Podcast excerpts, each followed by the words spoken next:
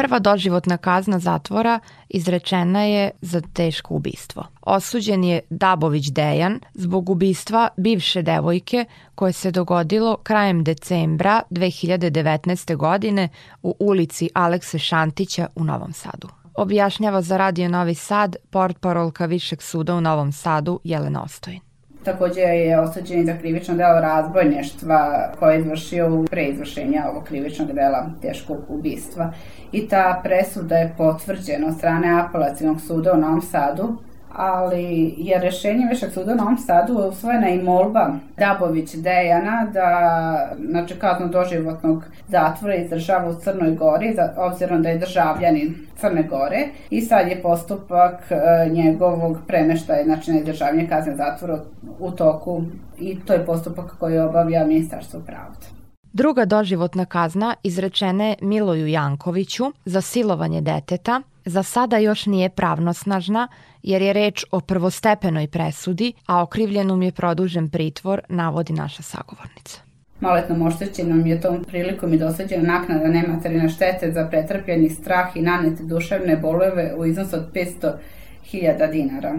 Kada je reč o drugim presudama za teška krivična dela, naša sagovornica ističe presudu za ubistvo uličnog svirača u Novom Sadu Kristina Kostića Blekija, koje se dogodilo u februaru ove godine u Kosovskoj ulici.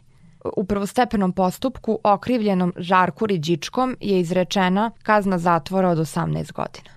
To je krivično delo teško ubistvo na svirep način i pri izvršenju krivičnog dela razbojništva je lišio života oštećenog, obzirom da je on imao u vreme izvršenja krivičnog dela, nije imao ni 21 godinu života, maksimalna kazna za to krivično delo mu je mogla da mu se izrekne najviše u trajanju od 20 godina i prilikom izricanja ove prvostepene presude sudija je uzela u obzir godine okrivljenog kao i njegovu raniju neosuđivanost, pa iz tog razloga mu je izrekla znači, kaznu zatvora od 18 godina. Jelena Ostojin navodi još jedan slučaj koji je bio ispraćen u javnosti. Reč je o saobraćajnoj nesreći koja se dogodila na putu Zrenjanin Novi Sad u kojoj je poginula učiteljica okrivljeni kritičnom prilikom vozio brzinom od 115 km na čas i preticao na mesto gde je to zabranjeno. Znači u trenutku kada je vozilo iz suprotnog smera dolazilo u susret i nakon udara u vozilo ispred sebe kojim je upravljala oštećena SP učiteljica, došlo je znači do saobraćene nesreće gde je oštećena preminula.